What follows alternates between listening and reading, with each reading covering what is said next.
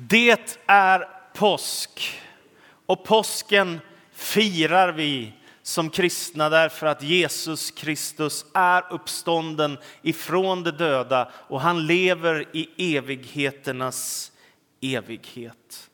Men har du någon gång funderat på vad gör det för skillnad för mig i mitt vardagsliv? Vad gör det för skillnad att vi säger att Jesus Kristus är uppstånden? Ja, det gör all skillnad i världen. Om inte annat när du står vid en väns grav eller en anhörig, en familjemedlems grav och funderar på, är det slut nu? Var det här allt? Eller finns det något större än det här? Då är Jesu Kristi uppståndelse ifrån de döda helt avgörande för om det finns hopp eller inte. Att Jesus lever gör all skillnad. Uppståndelsen ifrån de döda är den avgörande händelsen i Guds frälsningshistoria. Det är då Gud bekräftar sin son Kristus som segrare också över dödens makt. Därför är det en slags hörnsten i den kristna tron som allt står och faller med. Det är något som är helt avgörande för vår tro. Det är grunden för evangeliet. Det är grunden för det vi kallar den apostoliska kristna tron. Det är förutsättningen för det eviga livet. Det är förutsättningen för hoppet om himlen. Det är förutsättningen för relationen till Gud. Därför är det naturligtvis helt avgörande att Jesus Kristus kom till vår värld, att han levde här, att han dog för våra synder och att han uppstod ifrån de döda på tredje dagen. Ja, uppståndelsen är Guds ingripande i världshistorien där han visar att han inte har övergett världen utan han håller den ytterst sett i sin hand.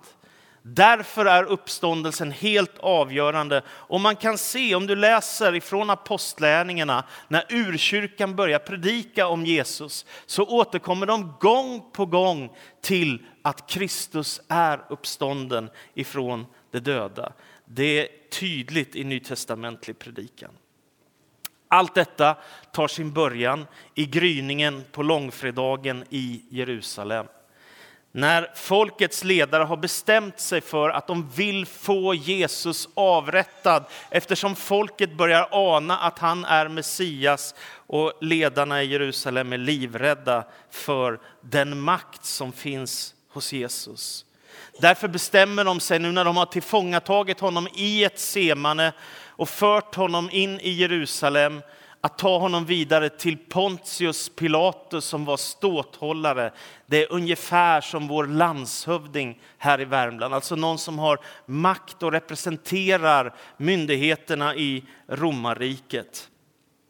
När Judas Iskariot ser vad som händer med Jesus så står det faktiskt att han ångrade sig. Och han går till översteprästerna i Jerusalem och han har med sig 30 silvermynt. Och det är märkligt, det står i Gamla Testamentet att det finns en som ska få 30 silvermynt. Och så står det om dessa pengar och Judas inser att jag kan inte ha kvar dessa pengar. Så han säger jag vill lämna tillbaka dem och de vill inte ha dem eftersom det är blodspengar som de kallar det för. Och då kastar han in dem i templet där. Och så går han därifrån i sorg för sitt förräderi och säger jag har syndat och förrått oskyldigt blod. Så är det påskhögtid.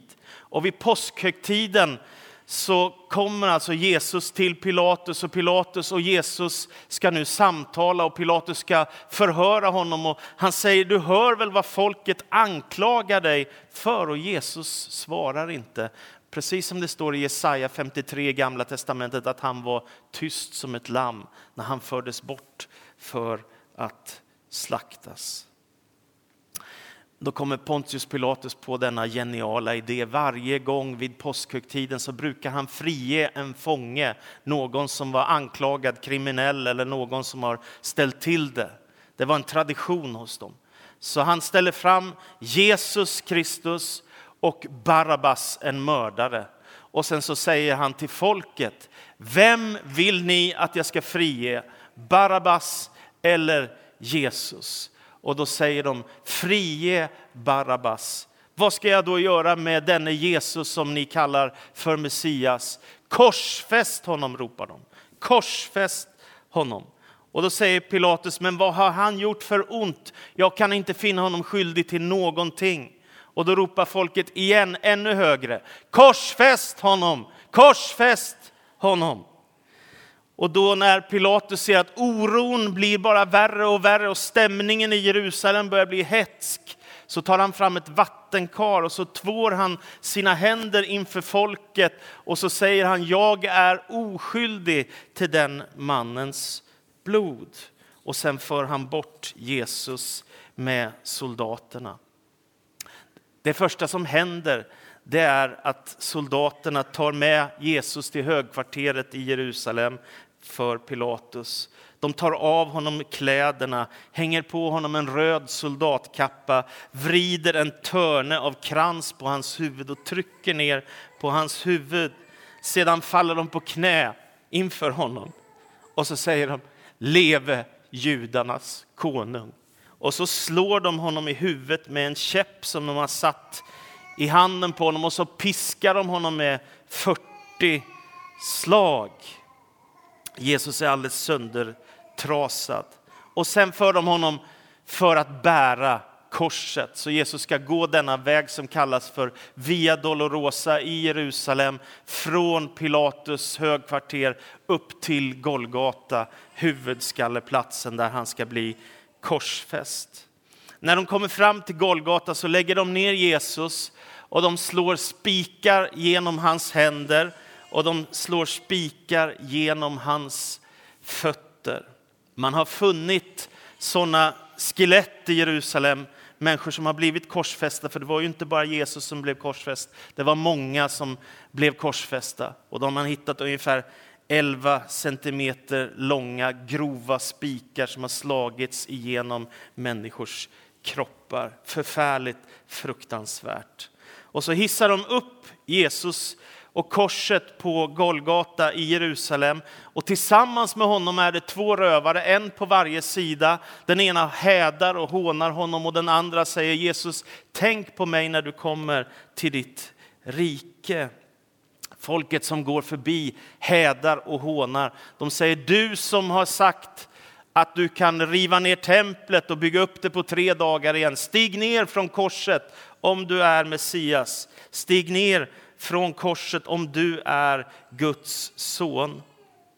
Jesus lider fruktansvärda plågor och det som är unikt med Jesu död på Golgata är ju att han inte bara ska dö en martyrdöd, utan han ska dö för mänsklighetens synd som Guds son. Det vill säga, han ska bära all världens ondska i sin egen kropp på korset. All synd som mänskligheten någonsin har presterat ska han bära i sin egen kropp. Och så drabbas han av denna förbannelse som det är på korset. Och när det sker att han bär vår synd i sin egen kropp, då ropar han på arameiska Eli, Eli, lema sabachthani. Min Gud, min Gud, varför har du övergivit mig? Och i den stunden så bär han hela mänsklighetens synd på sig på korset. Det är vad evangeliet säger. Han drabbas av hela världens ondska. Men detta är inte Jesu sista rop, utan Jesu sista rop är något helt annat. Tre ord som avgör allt. Han ropar det är fullbordat. Och sen ger han upp andan och så säger han jag överlämnar min ande i dina händer, Fader. När den romerska officeren hör detta rop och denna jordbävning som det blir i samband med Jesu, Jesu död och uppståndelse så, så säger han den mannen måste ha varit Guds son. Det är märkligt det som händer. Vid nionde timmen klockan tre på eftermiddagen så dör Jesus Kristus. Den mest omtalade död som någonsin har funnits i mänsklighetens historia. Inte har väl någon annans död blivit så omtalad. Och det beror ju på de anspråk som har med Jesus att göra, att han gör något för oss, för hela världen och för hela mänskligheten.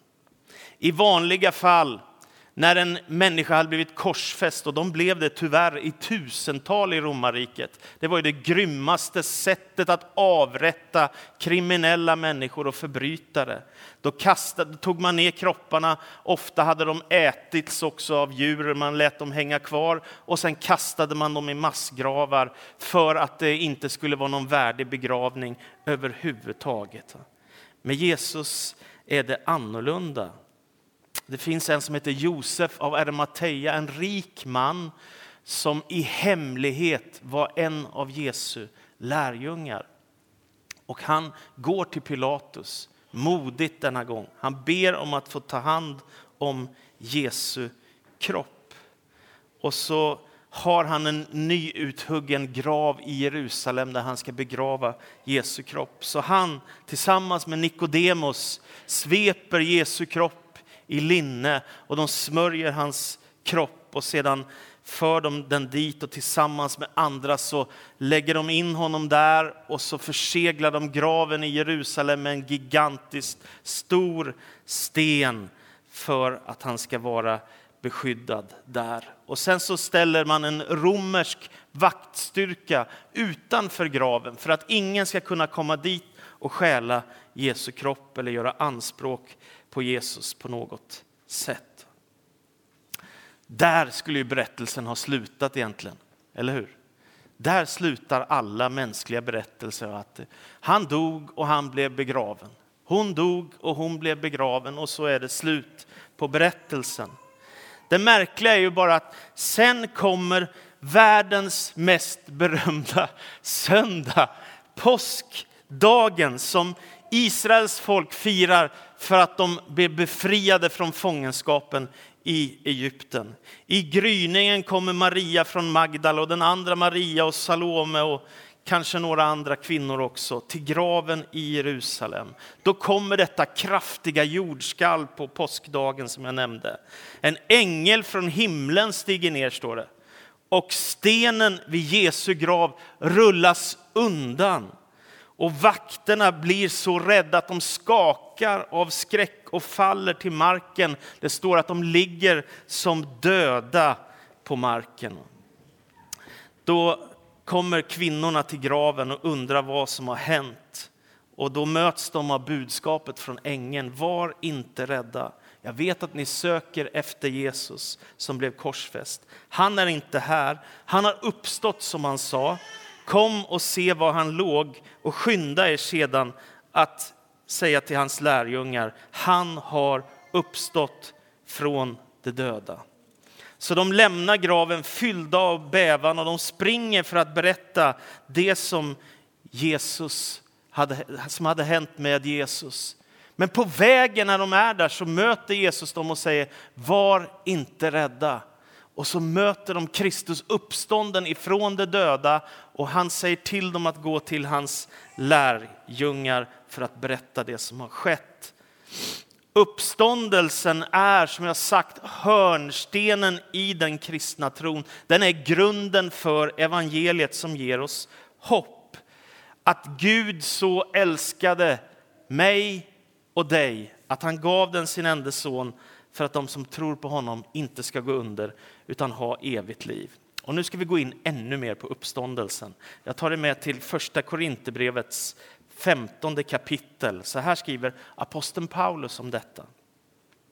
Jag vill påminna er om evangeliet som jag förkunnade, som ni också tog emot, på vars grund ni står och genom vilken ni blir räddade. Jag vill påminna er om ordet i min förkunnelse. Den håller ni väl fast vid, annars var det bortkastat att ni kom till tro. Bland det första jag förde vidare till er var detta jag själv hade tagit emot, att Kristus dog för våra synder i enlighet med skrifterna, att han blev begravd, att han uppstod på tredje dagen i enlighet med skrifterna och att han visade sig för Petrus, Kefas och sedan för de tolv. Därefter visade han sig för mer än 500 bröder vid ett och samma tillfälle. De flesta är ännu i livet, men några har avlidit. Därefter visade han sig för Jakob och sedan för alla apostlarna. Allra sist visade han sig också för mig, detta ofullgångna foster. Jag är den minsta av apostlarna och inte värdig att kallas apostel eftersom jag har förföljt Guds församling. Men genom Guds nåd är jag vad jag är och hans nåd mot mig har inte varit förspild. Jag har arbetat mer än någon av dem, fast inte jag själv, utan Guds nåd som har varit med mig. Jag eller det så är det vi förkunnar och så är det ni har lärt er att tro. Men om det nu förkunnas att Kristus har uppstått från de döda, hur kan då några bland er säga att det inte finns någon uppståndelse från de döda? Om det inte finns någon uppståndelse från de döda har inte heller Kristus uppstått. Men om Kristus inte har uppstått, ja, då är vår förkunnelse tom. Och tom är också er tro. Och då visar det sig att vi har vittnat falskt om Gud eftersom vi har vittnat om Gud att han har uppväckt Kristus som han ju inte kan ha uppväckt om det inte är sant att döda uppstår. Om inga döda uppstår har heller inte Kristus uppstått. Men om Kristus inte har uppstått, då är er tro meningslös och ni är ännu kvar i era synder då är också de som har avlidit i tron på Kristus förlorade. Och gäller vårt hopp till Kristus bara detta livet, då är vi de mest ömkansvärda bland människor. Men nu har Kristus uppstått från de döda som den första av de avlidna. Amen. Vad är det för speciellt med den här berättelsen? Jo, här finns en ofattbart stark berättelse om seger över dödens makt. Att dödens udd är bruten och att det finns en segrare från Golgata. Och då kan man tänka sig, men detta är ju fullständigt omöjligt. Mänskligt sett är det helt omöjligt. Den som är död är död, eller hur? Det går ju inte att få ett lik att börja leva igen, utan den som har dött är död, punkt. Det är 100 procent omöjligt att uppstå mänskligt sett. Det finns inte ens en liten chans. Ni vet sådär, man säger ibland en chans på miljonen. Nej, men inte ens det finns ju. Om man dör så dör man, eller hur? Om livet tar slut så är livet slut. Och vi förstår att vi inte kan fortsätta existera utan döden gör slut på oss på det sättet. Men Paulus han säger, bland det första jag förde vidare till er, det var detta som jag själv hade tagit emot. Att Kristus dog för våra synder och han blev begravd och han uppstod på tredje dagen i, genom, i enlighet med skrifterna. Här argumenterar Paulus nu, det som nu har hänt är ju det som vi också möter i vår samtid att människor säger men det är inte möjligt, precis som jag sa, det är inte möjligt, det går ju inte. Om man har dött så är man ju död och that's it, slut. Och så kan man ju säga utifrån ett humanistiskt perspektiv eller ett ateistiskt perspektiv. Det går inte, det är omöjligt. Och här svarar Paulus de som säger så. Och då drar han den yttersta konsekvensen av vad som händer om man förnekar uppståndelsen. Det första han säger, om det inte finns någon uppståndelse från de döda har inte heller Kristus uppstått. Det vill säga, om det skulle vara sant så är det naturligtvis förödande därför att hela grunden för den kristna tron är borttagen. Är ni med? Om Kristus inte lever, då är tron ingenting. Va? Det vore ett totalt dråpslag om någon kunde säga Jesus är fortfarande död och bevisa det. Va? Det skulle inte gå att säga jo men det är meningsfullt i alla fall. Det andra Paulus säger, om Kristus inte är uppstånden ifrån de döda, då är vår predikan tom. Och då är också eran tro tom, säger han. Det vill säga, om det inte är sant att Kristus är uppstånden ifrån de döda, då är detta fåfängligheters fåfänglighet. Då är det tomhet vi predikar, eller hur? Evangeliet är då inget evangelium och det finns ingen grund för något hopp som vi har. Det tredje Paulus säger, om det är så att som några av er säger att Jesus Kristus inte är uppstånden ifrån de döda, då har apostlarna och lärjungarna predikat ett falskt evangelium. De har sagt att Jesus är uppstånden ifrån de döda. De har sagt, vi har mött honom ansikte mot ansikte. De har hört budskapet och Gud har uppväckt Kristus. Är det inte sant så är hela evangeliet falskt och det finns ingen frälsning ifrån döden. Och då finns det ingen seger över döden. Det är illa om Gud inte har uppväckt Kristus från de döda. Det fjärde han säger, om Kristus inte har uppstått, då är er tro meningslös och ni är ännu kvar i era synder. Tar man bort uppståndelsen då får det förödande konsekvenser för oss. Då är syndens och ondskans tyranni kvar och inget av skillnad finns och det finns ingen frälsning. Då är vi förlorade och då är döden herre över oss fortfarande. Och då är tron meningslös. Vi står utan hopp i världen och sanningen är att vi är inte förlåtna. Och så tar han ytterligare ett steg och så säger han om det inte är sant att Jesus har uppstått, då är också de som har dött i tron på Kristus förlorade. Det är den femte konsekvensen. Om Jesus inte är uppstånden, då är också de som har dött i tron utan hopp och utan framtid. Då är man förlorad. Paulus är järv i sin argumentation mot dem i Korint som inte ville tro på uppståndelsen och som ville förneka uppståndelsen. Och slutsatsen när han är framme i sin argumentation så säger han så här. Det sjätte. Gäller vårt hopp till Kristus bara detta livet, då är vi de mest ömkansvärda bland människor. Grattis, här är vi de mest ömkansvärda bland alla människor som tror att Jesus Kristus är uppstånden. Och så finns det några som säger men det är inte sant så det funkar inte och sådär. Är det verkligen så avgörande? Ja, det är det.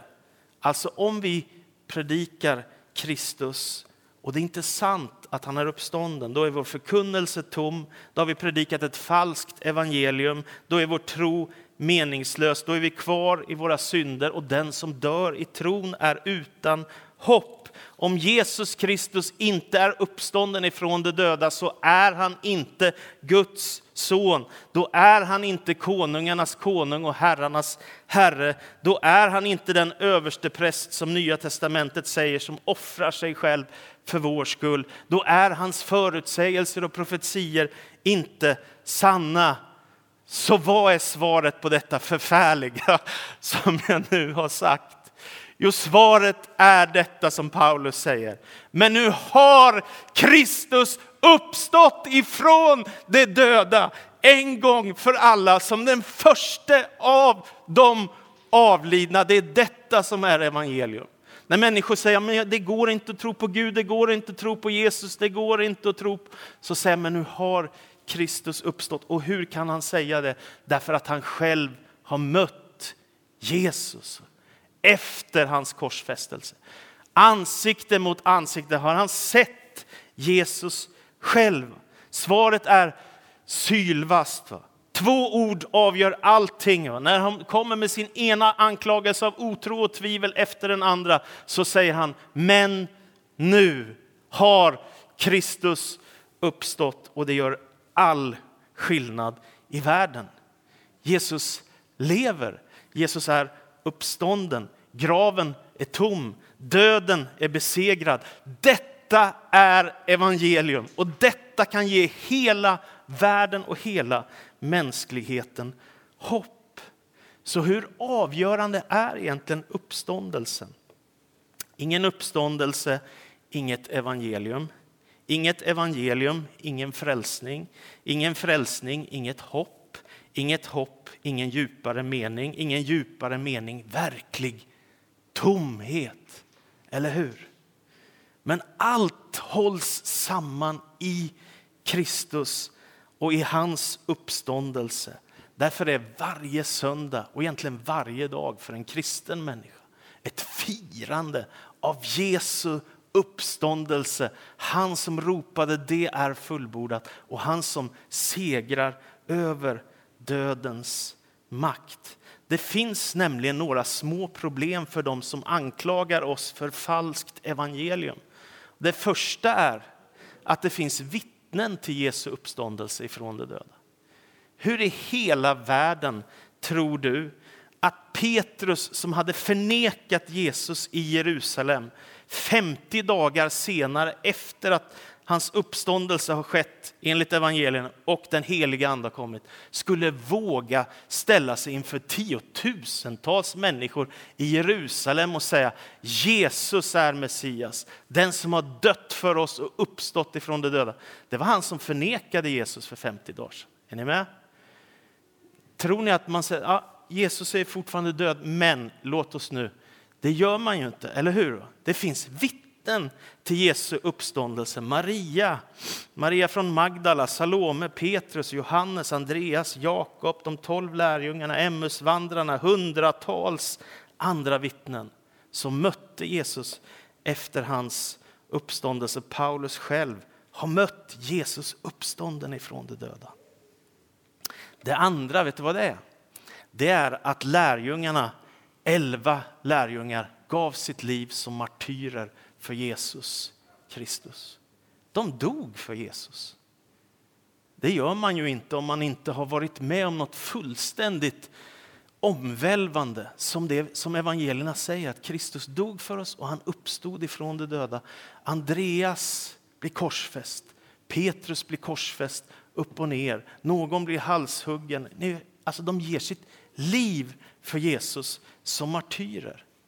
Det tredje är ju att uppståndelsen är profetiskt förutsagd. Man ser det när de första kristna börjar predika att det här ingår i Guds plan. Saltaren 16, du ska inte lämna min själ åt dödsriket till exempel. Alltså Gud har redan förberett det. Och vad händer då med uppståndelsen? Jo, det vi ser är ju att uppståndelsen bekräftar sanningen i Guds ord. Guds löften går i fullbordan. Uppståndelsen visar att Jesus är Guds son, världens frälsare och Herre. Uppståndelsen visar att Guds frälsningsplan för världen är fullbordad. Uppståndelsen är ju anledningen till att kyrkan uppstod, eller hur? Uppståndelsen är grunden för vårt hopp om himlen och det eviga livet. Uppståndelsen befriar oss ifrån dödens makt och udd och löser oss ifrån vår orättfärdighet. Det är evangeliet. Och jag tänker Paulus är modig när han vågar möta dem som inte tror som han tror. Nu har Kristus uppstått ifrån de döda. Och följden är att du och jag vi kan bli Guds barn. Vi kan få tillhöra honom. Följden är att vi ska få leva i evighet med Gud eftersom det finns en som har segrat över dödens makt. Följden är att himlen är vårt hemland och följden är att vi kan få se dem som har gått före oss till himlen igen. De som har dött i tron på Kristus. Jesus är uppstånden ifrån de döda. Och så här säger Efesierbrevet kapitel 1 och vers 17. Han har kommit, nej förlåt, vers 17. Jag ber att vår Herre Jesu Kristi Gud och härlighetens fader ska ge er en vishetens och uppenbarelsens ande som låter er få kunskap om honom. Må han ge ert inre öga ljus så att ni kan se vilket hopp han har kallat oss till. Vilket rikt och härligt arv han ger oss bland de heliga. Hur väldig hans styrka är för oss som tror. Samma oerhörda kraft som han med sin makt lät verka i Kristus när han uppväckte honom från de döda och satte honom på sin högra sida i himlen, högt över alla härskare och makter och krafter och herravälden, över alla namn som finns att nämnas, såväl i denna tiden som i den kommande. Och allt la han under hans fötter och honom som är huvud över allting gjorde han till huvud för kyrkan som är hans kropp, fullheten av honom som helt uppfyller allt. Detta är evangelium. Att du är insatt i en oerhört stor berättelse som börjar med universums skapelse, som har sitt centrum i att Kristus dör och uppstår för oss och som ska avslutas med en ny himmel och en ny jord därför att Jesus har uppstått ifrån de döda. Och då säger Paulus till slut, därför sörjer vi inte som de andra gör, de som inte har något hopp. Är du med?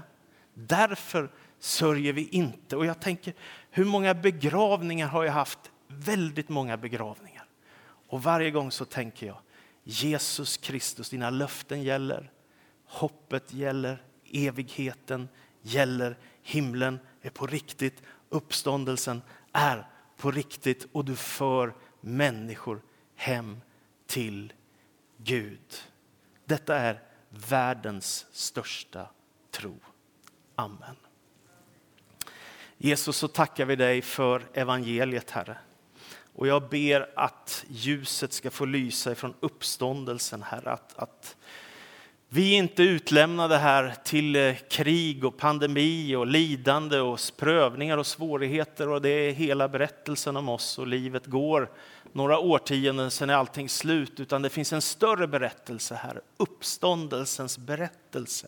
Och jag tackar dig Kristus för att vi får tro på den och att vi får bekänna oss till dig som Herre. Och tack för att du välsignar var och en som är här idag, Herre, som kan få glädje genom det som har skett på Golgata och på den tredje dagen när du uppstår ifrån de döda.